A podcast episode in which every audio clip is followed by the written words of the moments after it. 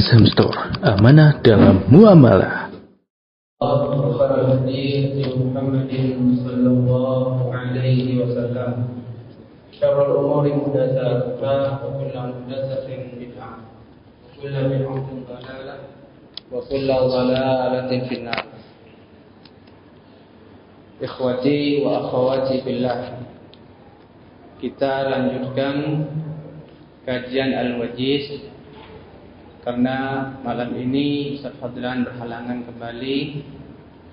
E, kabarnya beliau sakit. Semoga Allah segera menyembuhkan beliau.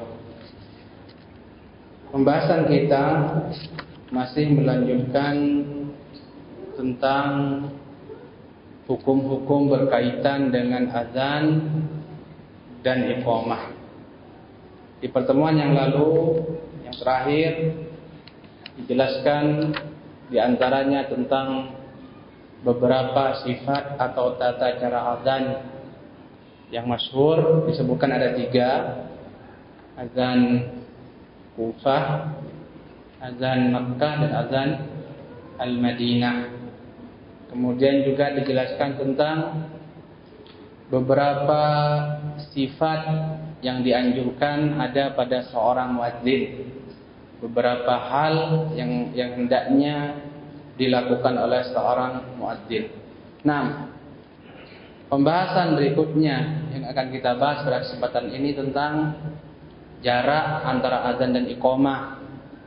Kemudian tentang uh, larangan keluar masjid setelah azan.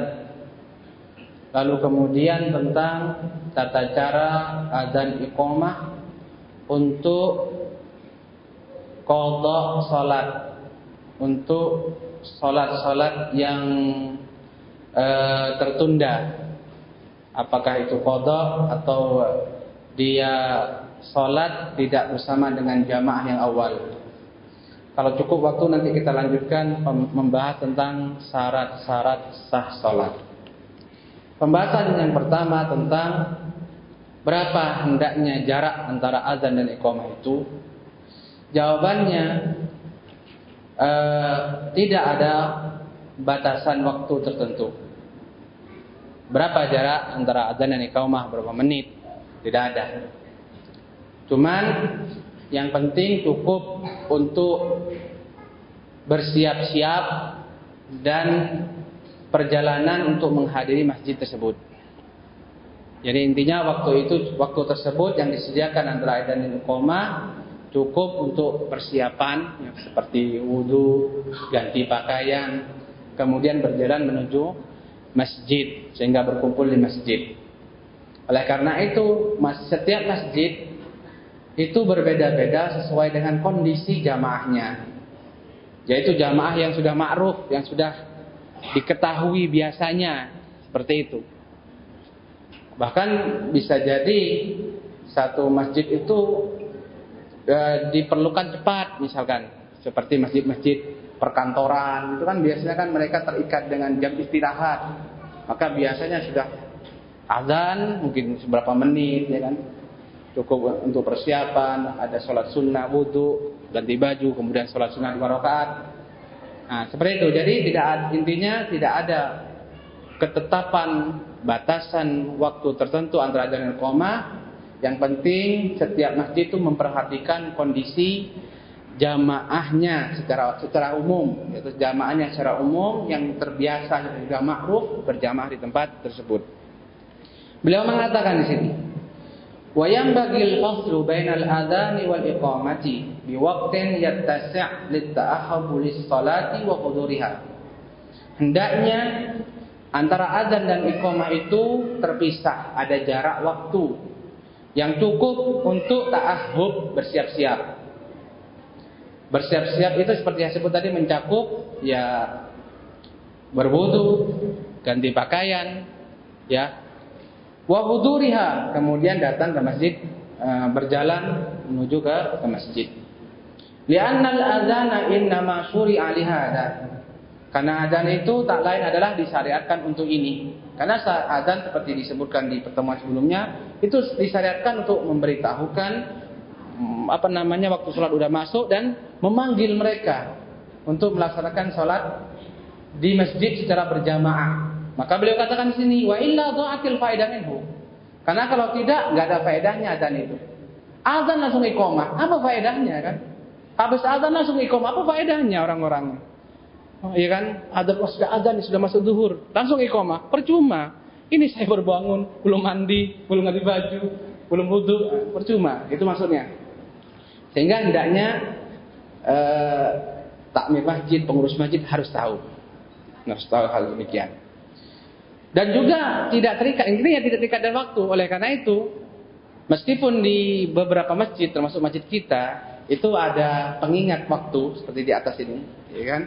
Maka maka hendaknya ini bukan menjadi apa namanya tolak menjadi paten bukan, tapi hanya untuk membantu. Oleh karenanya misalkan jamaah sudah terkumpul ya semua, nggak ada yang ditunggu lagi kan, nggak ada yang tunggu, siapa lagi udah penuh ini, ya kan? Meskipun belum sampai, maka disyariatkan sudah iqomah aja, gitu maksudnya. Tidak harus nunggu, apa yang ditunggu? Nunggu jam. Nggak ada jamnya juga. Jadi misalkan, contoh, sebagai contoh misalkan. Ini sholat isya. Sholat isya. Dan sebelum isya ada kajian, contohnya ada kajian. Dan jamaah sholat isya semuanya ikut kajian.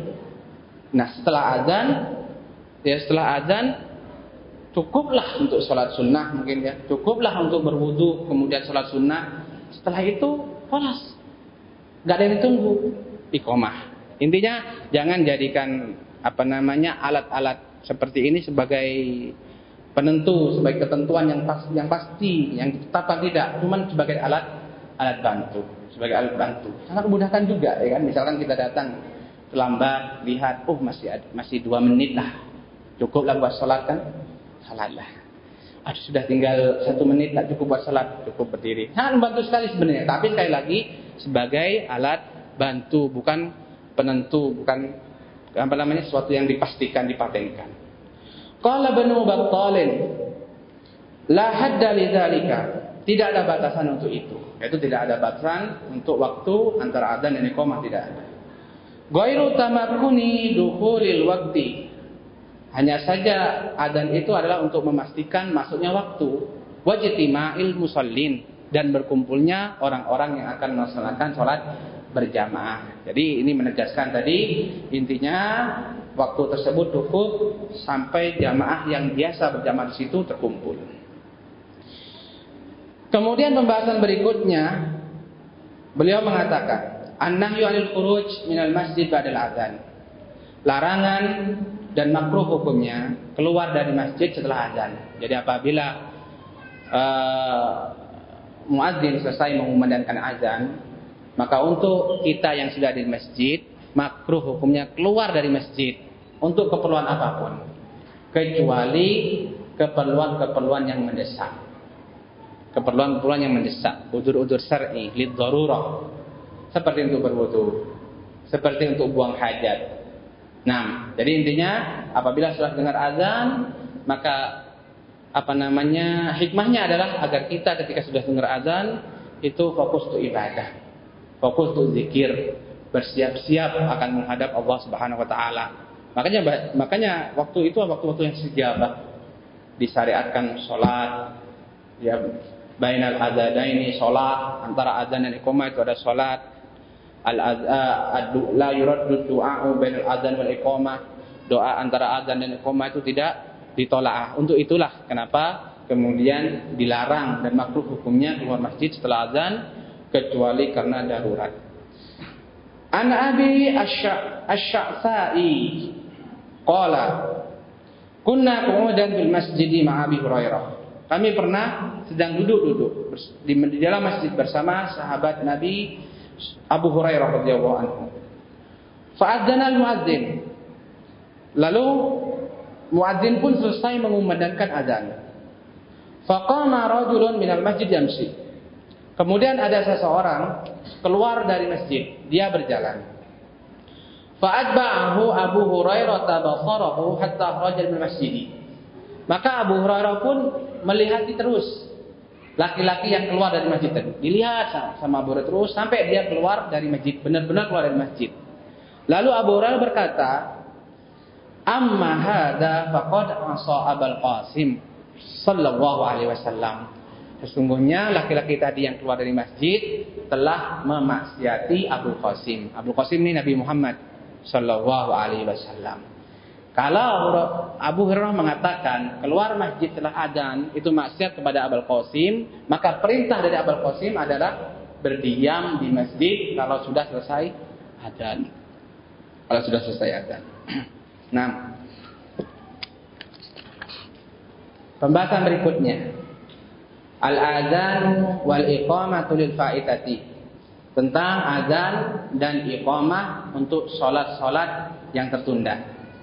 Untuk salat-salat yang tertunda seperti kodok salat atau kita salat di masjid setelah jamaah selesai. Jadi salat yang nyusul, susulan kan, menyusul. Apakah disyariatkan adzan dan iqamah? Telah disebutkan pada pertemuan yang lalu disyariatkan. Disyariatkan. Terus bagaimana caranya? Apalagi kalau dia itu sholatnya jamaah misalkan. Atau dia itu mengkodok dua sholat sekaligus atau bahkan lebih. Bagaimana caranya? Beliau mengatakan di sini. Mana ma'an sholatin aw nasiyaha fa innahu yusra' lahu an yu'addina laha wa yuqim. Barang siapa yang ketiduran dari suatu sholat atau kelupaan dari suatu sholat, fa yusra'u lahu wa yuqim, maka disyariatkan bagi dia sebelum melaksanakan sholat yang mau dia qada itu azan dan iqamah. Azan dan iqamah disyariatkan, namun tidak wajib ya, tidak wajib. Misal ketiduran dari sholat duhur, ya kan?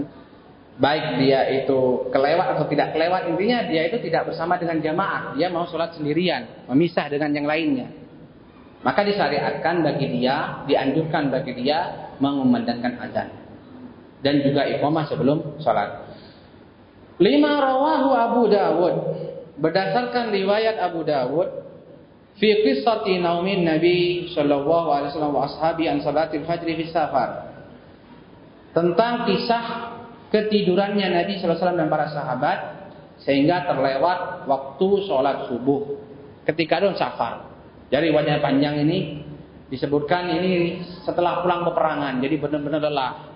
Setelah pepulangan dalam perjalanan setelah peperangan sangat lelah sekali, sehingga terus berjalan sampai tengah malam. Jadi malam-malam sebenarnya masih jalan sampai benar-benar sudah tengah malam, benar-benar lelah, Rasulullah SAW meminta para sahabatnya untuk singgah di suatu tempat. Jadi singgah menepi untuk istirahat. Awalnya Rasulullah SAW enggan untuk sholat, untuk tidur. Karena takut kebablasan. Kebablasan. Tapi sahabat Bilal melihat Rasulullah kelelahan, ya kan? Maka silakan, saya yang jaga. Saya yang jaga.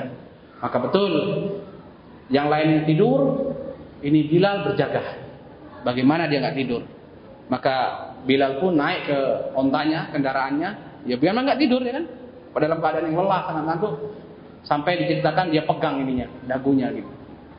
Tapi pada Allah juga tidur. juga ketiduran.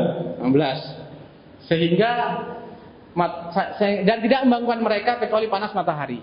Jadi benar-benar sudah uh, terbit matahari baru bangun dan tanpa sholat subuh. Maka Rasulullah SAW pun memerintahkan Bilal untuk azan dan iqamah, kemudian beliau sholat dua rakaat sebelum subuh seperti kita bahas sebelumnya itu riwayat yang sebelumnya kita bahas tentang sholat apa namanya kodok sholat sunnah ya kalau nggak salah di sini nggak? Oh, tempat lain loh tuh. Oh, yaitu kemudian Rasulullah SAW sholat sunnah qobliyah atau sholat sunnah fajar lalu kemudian sholat subuh dengan berjamaah dengan azan dan iqamah. Ini dalil yang menunjukkan bahwasanya disyariatkan azan dan iqamah untuk sholat yang kelewat atau untuk kodok sholat. Kemudian bagaimana apabila kodok sholatnya itu lebih dari satu sholat atau dia mau melaksanakan sholat dengan cara jamaah duhur dengan asar atau maghrib dengan isya. Bagaimana azannya? Bagaimana iqamahnya?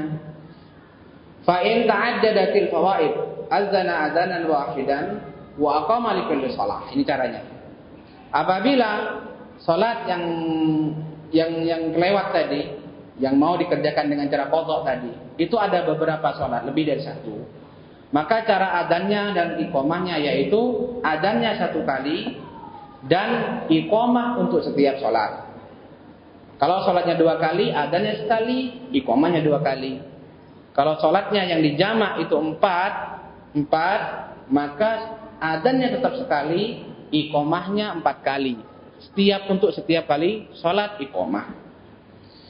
Li hadis Ibnu Mas'ud berdasarkan hadis Ibnu Mas'ud berkata, Innal musyrikin syaghalu Rasulullah an arba'i salawatin yaumal khandaq.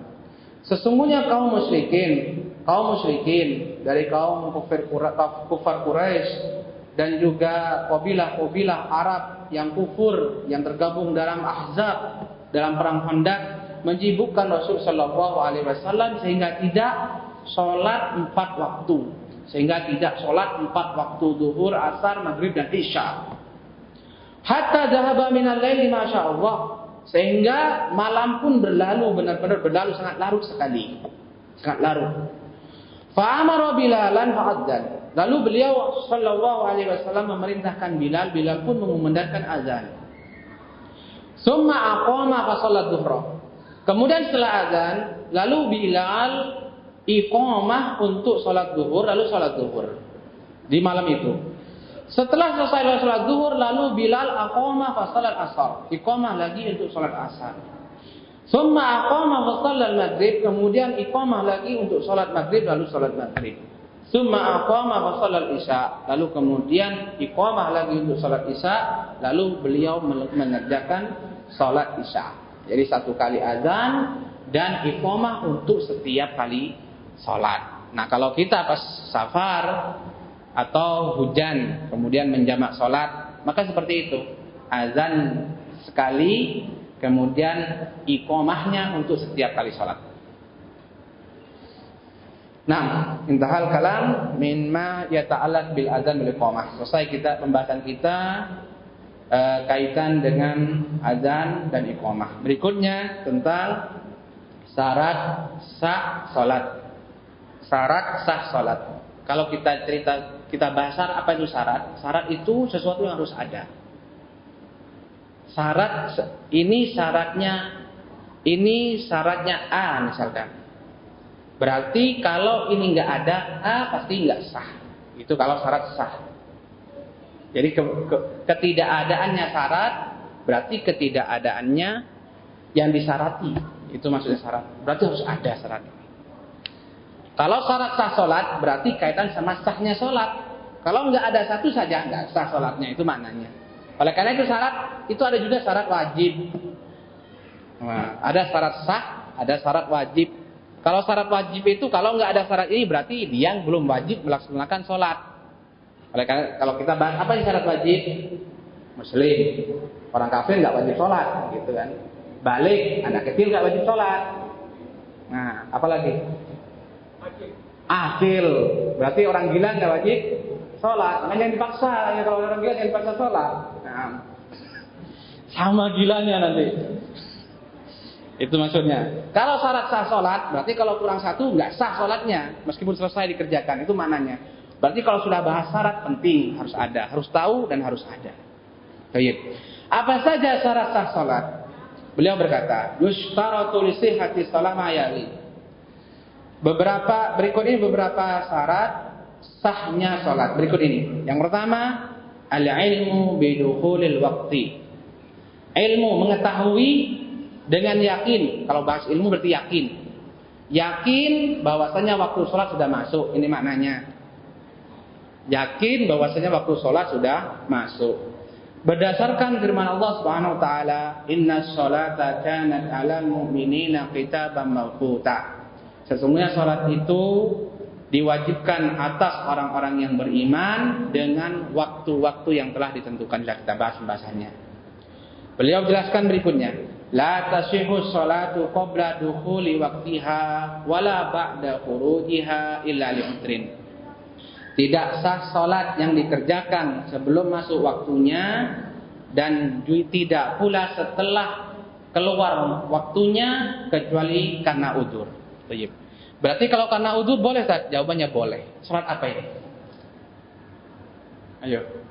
Apa maksudnya? Kok boleh sholat karena udur? Apa maksudnya? Apa jawab jawabannya? Maksudnya adalah kodok. Maksudnya adalah kodok. Karena kodok itu mengerjakan sholat di luar setelah lewat waktunya karena uzur. Itu maksudnya. Makanya uzur ini kaitan sama ba'da furujihi. Bukan kaitan sama qabla lihat. Ya. Jangan jangan nggak nggak ada orang itu uzur kemudian sholat di awal waktu nggak ada, pasti nggak sah. Pasti nggak ada sah. Orang ketiduran, ya, orang ketiduran, bangun sholat, nggak tahu kok tahu bangun langsung dia itu ambil wudhu, langsung sholat Allah Bertanya sholat apa? Sholat duhur. Padahal masih jam 10 gitu kan. Kan udur kan dia ketiduran kan, nggak tahu kan? Apakah kemudian setelah masuk duhur, apakah sudah gugur sholat duhurnya? Jawabannya enggak. Enggak gugur kewajiban sholat duhurnya. Nanti kalau sudah masuk duhur, dia harus sholat lagi. Ya, enggak ada uzur istilah seperti itu. Ada seperti itu ada, anak pernah dapat ya teman sekamar dulu waktu waktu, waktu masih nyantri aja, Allah. Enggak tahu anak itu ya. Kebetulan ceritanya begini kan. Dia itu tidur habis isya. Kan kan itu malam sen, malam Senin apa ya? Malam Senin atau apa? Pokoknya siangnya ada anak ini keluar gitu kan. Keluar dari asrama main gitu kan enggak tahu pokoknya ada keperluan. Pulang kelelahan modelnya habis tidak tidur. Kemudian pada jam 9 di asrama ada kumpul. Ada kumpul, panggil semua. Kumpul kan. Anak kan bagian pengurus, jadi kayak kumpul anak. Sudah pengurus. Anak belajar di depan kamar. Enggak tahu kok anak ini ya, anak ini langsung bangun kan dengan jangan langsung bangun, tidur langsung ambil dan gayung mandi. Langsung salat salat sunnah. Wah, salat sunnah. Maksudnya dia dikira itu subuh dikira sama dia itu subuh gitu kan. Kan bangun sepi kan, oh, langsung lari dia. Karena diem aja, opo, dan langsung sholat. Sholat apa ya? Loh, bukan sholat subuh, lihat jam. Setengah sepuluh. Setengah sepuluh. Ternyata terjadi juga ya. Terjadi nih. Kalau kita kita cuma teori kok mungkin tidak terjadi, ternyata terjadi. Tapi nggak ada udur. Nah orang ini kan tadi sholat subuh. Kalau nanti sholat subuh harus sholat dia. Oleh karena itu makna liudrin di sini itu kaitan sama ba'da wurudihi. Maksudnya adalah qada'us shalah. Qada'us shalah. Dan ini juga menegaskan bahwasanya qada' salat itu harus ada uzur. Orang yang meninggalkan salat tanpa uzur nggak ada qada'. Nggak ada qada' bagi dia. Yang wajib bagi dia tobat kepada Allah SWT. Harus tobat. Harus menyesali perbuatannya. Dia harus bertobat kalau harus menyesali perbuatannya kepada Allah SWT. Karena sudah ditulis untuk dia dosa meninggalkan sholat. Berbeda dengan orang yang ketiduran, ada udur itu. Belum ditulis bagi dia dosa meninggalkan sholat. Kenapa? Karena masih ada waktu untuk dia mengerjakan sholat. Sampai kapan? Sampai bangun atau sampai ingat kalau dia kelupaan. Nah, itu yang pertama. Yang kedua, di antara syarat sah sholat, at-taharah minal ini bersuci dari dua hadas hadas besar dan hadas kecil.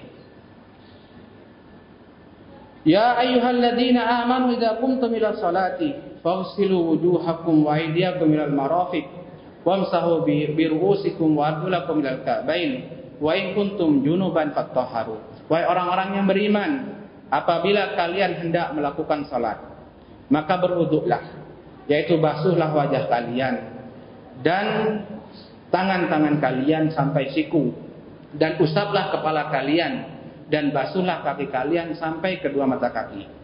Dan apabila kalian junub hadas besar, hadas besar, fattoharu maka mandilah. Mana fattoharu itu faktasilu maka mandilah. Jadi ayat ini mencakup bersuci dari hadas kecil itu wudhu dan mencakup bersuci dari hadas besar yaitu mandikan. Dan kalau dilanjutkan adalah apa mencakup apa? Tayamum juga, tayamum juga. Ini sering saya ulang-ulang ayat tentang bersuci dengan segala jenisnya Al-Maidah ayat 6. Dan berdasarkan hadis dari Ibnu Umar radhiyallahu anhuma anna Nabi sallallahu alaihi wasallam qala la yaqbalu Allahu salatan bi ghairi tahur. Allah taala tidak menerima salat apa pun itu tanpa suci, yaitu suci dari hadas kecil ataupun hadas besar. Nah, apabila ada seorang, seorang ada seorang sholat tanpa wudhu, tanpa wudhu, kemudian dia dia kemudian setelah selesai sholat dia ingat kalau dia tadi sholatnya tanpa berwudhu, berarti dalam hadas dalam keadaan hadas kecil, maka kita katakan antum harus mengulangi sholat antum. Antum harus mengulangi berwudu dulu, kemudian sholat lagi. Kemudian sholat lagi. Nah kalau dia ingatnya di tengah sholat, maka dia harus batalkan sholatnya. Kenapa? Karena dia sholat tanpa dan dalam dalam dan dalam keadaan tidak suci dari hadas. Saya ulangi, kalau berkaitan dengan hadas besar atau kecil, seorang sholat dalam keadaan hadas, maka dia harus mengulangi apabila dia ingat. Meskipun ingatnya setelah selesai daripada sholat. Nah, diingat nih. Karena pembahasan berikutnya nanti ada hubungan yang erat dengannya. Ada sangat kuat kaitannya. Nah, masuk poin ketiga. Di antara syarat sah sholat, taharatul thawb wal badan wal makan alladhi yusalla. Sucinya pakaian dan badan dan tempat yang mau digunakan untuk sholat. Yang mau digunakan untuk sholat. Suci dari apa? Dari najis. Kalau yang kedua itu suci dari hadas, kalau yang ketiga ini suci dari najis. Tiga hal. Badannya, pakaiannya, dan tempat yang mau digunakan untuk sholat. Tempat yang mau digunakan sholat. Ya, kalau seorang kalau seorang berdiri di sini maka tempat yang mau digunakan sholat yaitu di, tem, dari tempat dia berdiri sampai dia sujud itu tempat yang digunakan untuk sholat. Nah, itu sudah cukup. Makanya kalau seandainya seorang membawa alat karpet atau sejadah yang sudah suci, kemudian diletakkan meskipun di bawahnya itu ada najis, maka sudah tidak dianggap. Ya, karena tempat yang digunakan sudah sudah suci. Nah, amma taharatu saum.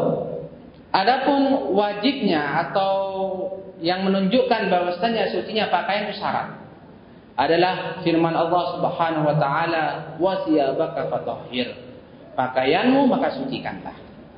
Dan juga dan juga sabda Rasulullah SAW, "Idza jaa ahadukum ila al-masjid falyanzur fa in ra'a fi na'lihi qadaran aw adzan falyamsahu bil ardi wal yusalli fihima." Apabila di antara kalian pergi ke masjid, maka sebelum masuk masjid hendaklah dia melihat hendaklah dia melihat hendaklah dia diam sebentar, melihat dulu. Apabila dia melihat pada kedua sandalnya ada kotoran, ada najis, maka maka maka sucikanlah dengan mengusapnya ke tanah. Lalu sholatlah menggunakan sandal tersebut karena sandal tersebut sudah suci karena disucikan tadi. Adapun sucinya badan berdasarkan sabda Nabi SAW kepada Ali ketika ditanya tentang mazi dan mazi itu kan najis. Beliau bersabda, "Tawadda waqsil dzakaroka." Berwuduklah dan cucilah kemaluannya. Tawaddo ini menunjukkan keluarnya mazi menyebabkan hadas. Makanya disuruh ber, berwudu dan hadasnya ada kecil, makanya diperintahkan untuk berwudu. Madinya sendiri itu najis. Meskipun najisnya najis muhaffaf, najis ringan. Ya, kan? kita sebutkan dulu najis ringan itu bagaimana cara membersihkannya? Minimal itu dipercikan air aja, minimal. Tentu lebih bersih disiram. Tapi seandainya dibersihkan itu sudah suci. Sudah suci. Nah, intinya di sini lebih mengatakan waksil dakaroka. Cucilah kemaluanmu, bersihkanlah maji yang ada di situ. Ketika Rasulullah merintahkan untuk mencucinya, menunjukkan maji itu adalah najis. Dan perintah Rasulullah untuk membersihkan bagian dari badan menunjukkan bahwasanya sucinya badan dari e, najis itu syarat sah salat. Dan juga berdasarkan sabda Nabi SAW kepada perempuan yang istihadah ada darah istihadah beliau bersabda istili anti dam wasalli bersihkanlah atau cucilah basuhlah darah itu darimu dan sholatlah ketika Rasulullah memerintahkan perempuan ini sholat beliau perintahkan sebelum itu adalah agar membasuh darah tersebut adapun kaitan dengan sucinya tempat maka sebagaimana sabda beliau SAW kepada para sahabatnya Waqad balal a'rabi di masjid ketika seorang a'rabi orang badui kencing di masjid. Beliau bersabda ariku ala bauli sijam min ma'in. eh, siramlah bekas kencingnya dan dia kencing di tempat di masjid di tanah yaitu seember air. Nah, ini juga menunjukkan ketika Rasulullah memerintahkan untuk mensucikan tempat dari najis, berarti sucinya tempat itu termasuk syarat sahnya salat. Nah, berikut ada satu faedah. Dan faedah ini kaitan dengan ada kaitannya dengan yang saya ingatkan tadi. Man shalla wa alaihi najasatun. Barang siapa yang selesai salat dan padanya ada najis. Pada dirinya ada najis. La yadri biha. Dia tidak mengetahui ada najis. Fa salatu sahihatun wala i'adata alaihi. Maka salatnya sah dan dia tidak harus mengulangi lagi. Setelah selesai salat dia baru tahu ah, ada najis. Tapi setelah selesai salat maka salatnya sah dan tidak perlu mengulangi. Di sini bisa diambil kesimpulan bahwasanya orang yang sholat dia tahu ada najis dan dia bisa menghilangkan najis tersebut bukan dalam keadaan darurat maka sholatnya batal. Begitu. Ini intinya. Tayyib. Wa in alima asna sholat. Dan apabila dia mengetahui adanya najis tersebut di tengah-tengah sholat. Allahu Akbar ya kan loh najis gitu kan najis ada najis tapi sudah mulai ini fa in amkanahu izalatuha bi an kana fi naila ya fi thawbin zaid ala ma yasturul aurah azalaha wa tamma salatahu. Apabila dia bisa menghilangkannya, dia bisa menghilangkannya. Seperti misalkan najis tersebut ada di dua di sandal atau ada di pakaian tambahan yang bukan menutupi aurat. Yang bukan menutupi aurat artinya kalau dia dilepas aurat masih tertutup, itu maknanya. Apa yang dia lakukan? Azalaha maka dia harus menghilangkan najis tersebut. Meskipun harus tadi kalau memang ada sandal dilepas sandalnya. Misalkan dia pakai jam tangan, kebetulan kotoran cicak jatuh di jam tangannya misalkan.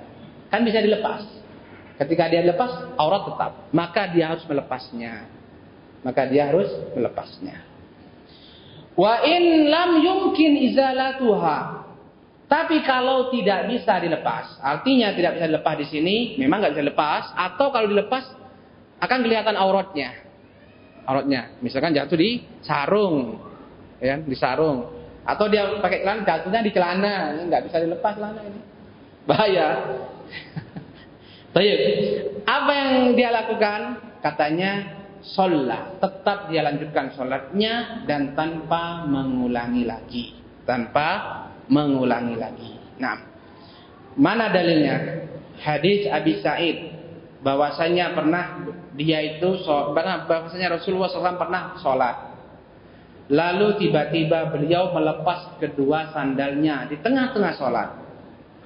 Maka para sahabat yang menjadi makmum mengikuti beliau, ikut melepas sandal. Falamman sorofa kola setelah beliau selesai melaksanakan sholatnya, beliau bertanya, lima khola'tum, kenapa kalian tadi melepas sandal kalian? Kalau para sahabat menjawab, ra'ainaka khala'ta fala'na. Kami melihat anda ya Rasulullah melepas sandal, maka kami makmum mengikuti imam. Faqala lalu beliau bersabda, Inna Jibril atani fa akhbarani anna bihi ma khabas. Sesungguhnya tadi Jibril mendatangiku dan memberitahuku bahwasanya pada dua sandal tersebut ada najis. Faidah jaa ada najis, maka aku melepaskannya. Jadi Rasulullah melepaskannya tadi karena di sandalnya ada najis. Ini dalilnya. Kalau memang kalau dan Rasulullah mengetahui ada najis di pakaiannya tadi. Jadi pakaian itu masuk bukan cuma baju ya. Yang kita pakai ya peci gitu kan. Ya kalau jam tangan, itu kalau bahasa Arab namanya libas. Makanya kalau pakai bahasa itu istilahnya jalbas. Mada hal ana albasul sa'ah. Albasut toqiyah. Ya. Albasut toqiyah, albasu alhida itu pakai albas libas. Lalu beliau bersabda, "Faida jaa ahadukum ilal masjid falyanzur." Apabila di antara kalian datang ke masjid hendaklah dia melihat. Fa in ra'a qadaran aw ada, apabila dia melihat pada dua sandalnya ada najis fal yamsahu bil ardi wal yusalli fihi ma lalu maka usapkanlah sandalnya di tanah, lalu sholatlah dengan uh, kedua hal tersebut. Nah, ya apa poin yang untuk ambil tadi? Beda ya kan, perbedaan. Kalau kaitan dengan hadas, kalau kaitan dengan hadas, maka harus mengulang. Meskipun dia mengetahuinya itu setelah selesai sholat. Ya setelah selesai baru ingat, saya belum wudhu, gitu kan? Saya pada selesai, maka dia harus wudhu dan mengulang sholatnya. Sholatnya tidak sah. Tapi kalau dia ingatnya itu najis, misalkan pakaiannya dia kena najis, dia kamar mandi, waktu buang air, kena najis, dia tahu kena najis, tapi lupa. Lalu dia sholat. Atau misalkan dia ada sarung najis di rumahnya, ya kan? Dia pakai sarung nggak najis. Kemudian waktu kamar mandi ketuker, gitu kan ketuker sholat. Setelah selesai sholat, lah, karena kok pakai sarung ini? Ini kan yang najis. Tapi setelah selesai sholat, maka jawabannya adalah dia tidak perlu mengulangi sholatnya dan sholatnya sah. Nah, apa bedanya ya kawan? Sama-sama syarat yang ditinggalkan. Ya, sama-sama ingatnya itu setelah selesai sholat. Tapi yang kaitan sama hadas, dia harus mengulangi sholatnya nggak sah. Tapi yang kaitan sama najis itu sholatnya tetap sah dan tidak harus mengulangi. Apa bedanya? Ya udah anak jawab kalau gitu. Jawab bedanya adalah karena pada asalnya pada asalnya badan kita, pakaian kita, tempat kita itu suci. Suci. Dan najis itu saya untori. Saya untori. Maka kalau kita lupa tadi sudah bersihkan najis yang dipakai itu sudah dibersihkan apa enggak? Itu kan suci dulu baru ada najis baru kita bersihkan. Berarti suci apa najis dulu yang ada? Najis suci dulu baru najis datang. Adapun kaitan sama hadas dan bersuci, maka jawabannya mana yang dulu? Berhadas dulu, karena pada asalnya orang itu berhadas. Sampai apa? Sampai dia bersuci. Sampai dia bersuci. Bisa dimengerti nggak? Sebagai contoh udah, kalau anak baru lahir, anak baru lahir, kita katakan badannya suci, dia suci apa najis? Suci. Sampai mungkin kena najis, baru dibersihkan najis dari dia. Tapi apakah dia berhadas atau enggak? Apakah dia berhadas atau sudah berwudu? Pasti dia kita katakan pada asalnya dia ber, berhadas. Ini maknanya. Itu itu sebabnya. Itu bedanya. Karena pada asal ketika di, orang itu lupa tidak berwudu, tidak berwudu, kemudian ingat setelah selesai sholat dan wajib mengulang, karena memang pada asalnya orang itu berhadas. Pada asalnya ber, berhadas. Nah kalau antum ragu, saya ini sudah wudhu apa enggak? Ragu nih ya kan, nggak ada yang nggak ada 50-50. Maka yakinnya itu antum tidak berwudhu, yakinnya. Karena pada asalnya antum enggak nggak wudhu. Gitu. Kemudian yang kedua kaitan sama najis sama suci sama najis. Kalau tadi kan suci sama hadas, sekarang suci sama najis. Ini pakaian saya ini, ini seminggu ini nggak ganti-ganti misalkan nih. nggak ada tapi insya Allah ya. Seminggu ini sarung nggak ganti-ganti sarung anak ini atau celana nih seminggu nggak diganti. Kemudian antum ragu, ini suci apa najis ya? Suci apa najis? Ragu. Ragu bukan kalau Kemarin saya kencing kena, itu yakin namanya itu. Ini ragu. Pernah kena air kencing apa enggak? Pernah kena najis apa enggak? Ragu. Maka yakinnya mana? Yakinnya adalah bahwasanya pakaian tersebut su, suci. Dan najis susaiun tori. Nah, ini perbedaannya. Kenapa para ulama membedakan hukumnya. Wallahu ta'ala alam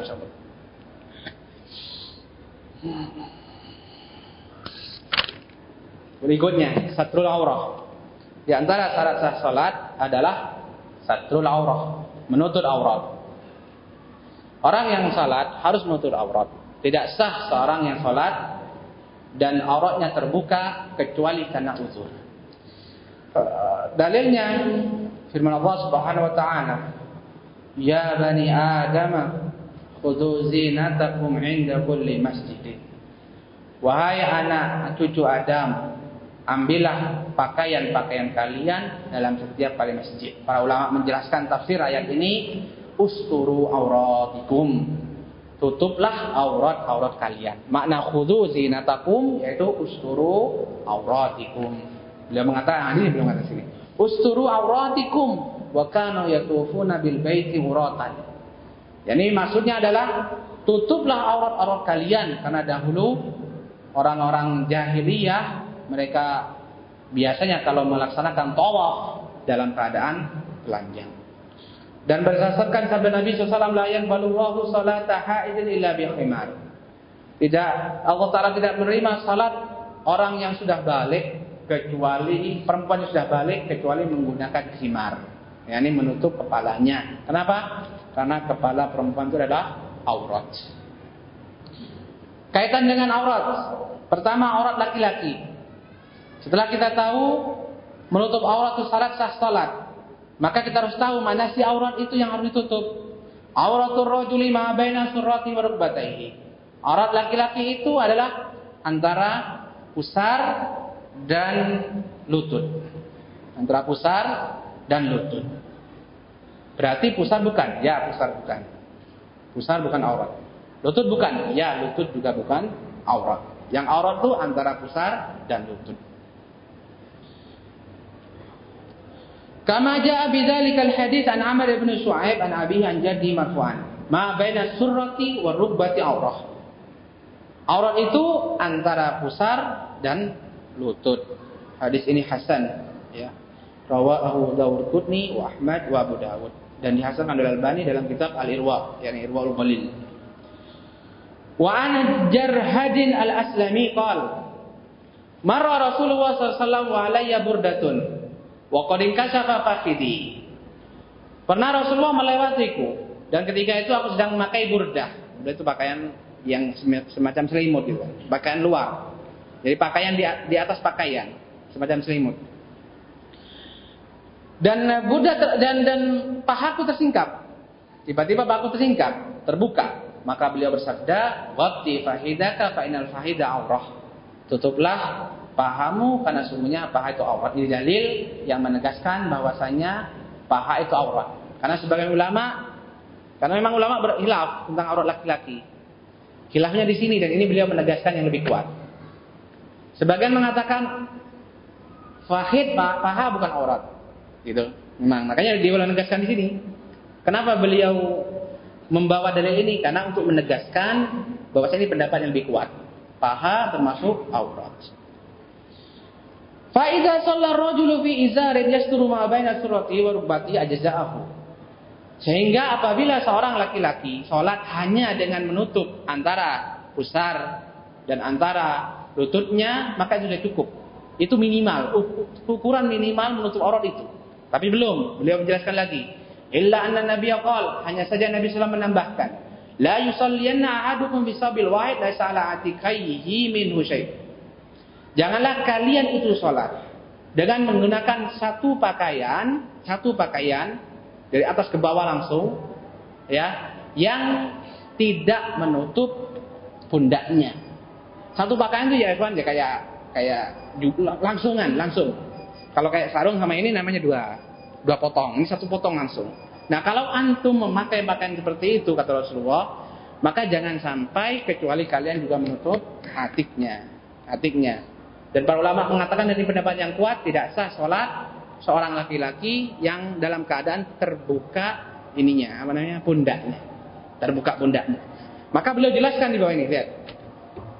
Wal muradu annahu la yasuddu thawba ala wasati fajulli masuhal minka mangkibaini bukan mingka mangkib mangkibaini maksudnya adalah hendaknya janganlah dia itu hanya mengikat pakaiannya, yang satu pakaian tadi, satu pakaian tadi, itu di tengahnya dia, di pinggangnya, di pinggangnya saja, dalam keadaan dua pundaknya terbuka. Itu maksudnya. Bal yattaziru bihi tetapi caranya adalah yang boleh yang bisa dilakukan yattaziru bihi jadikan dia izar. Apa maksud jadikan izar? Jadikan dia pakaian bawah saja. Jangan dipaksakan ke atas. jadikan dia pakaian bawah. Izar itu pakaian dari tengah ke bawah, itu izar namanya. Jadi termasuk sarung atau apa saja yang sifatnya pakaian dari tengah ke bawah itu namanya izar.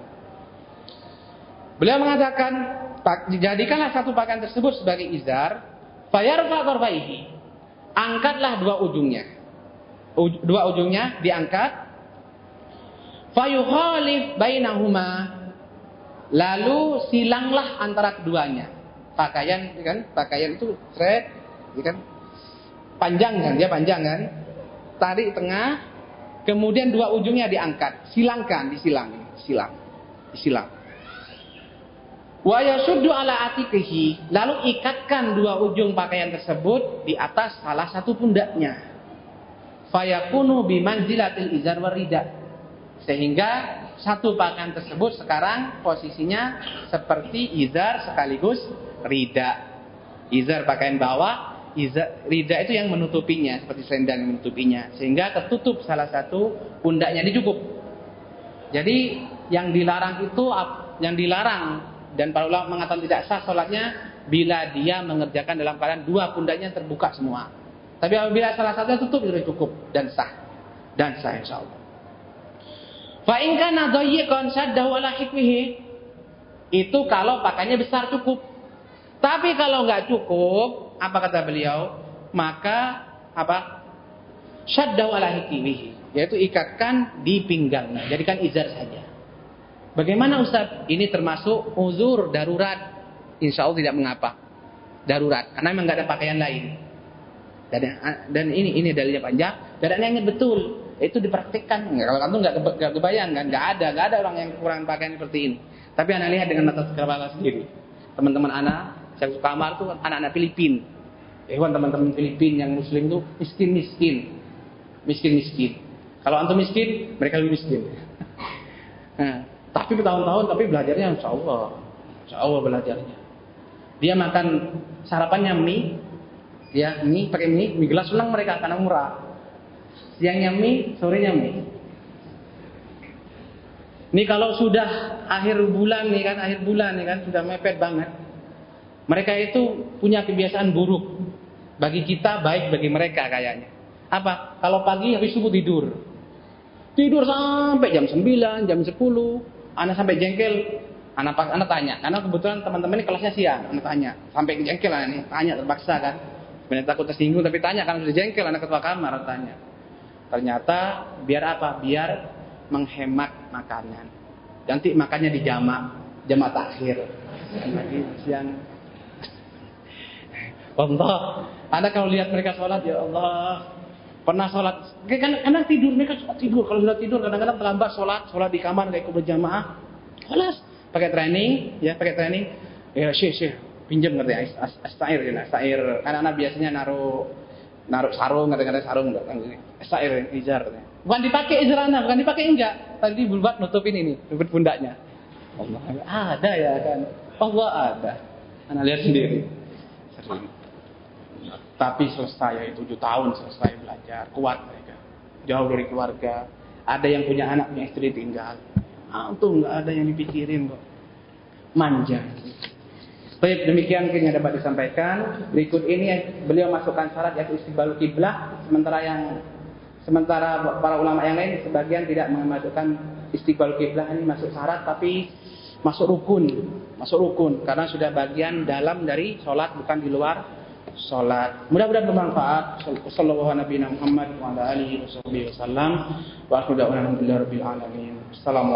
warahmatullahi wabarakatuh.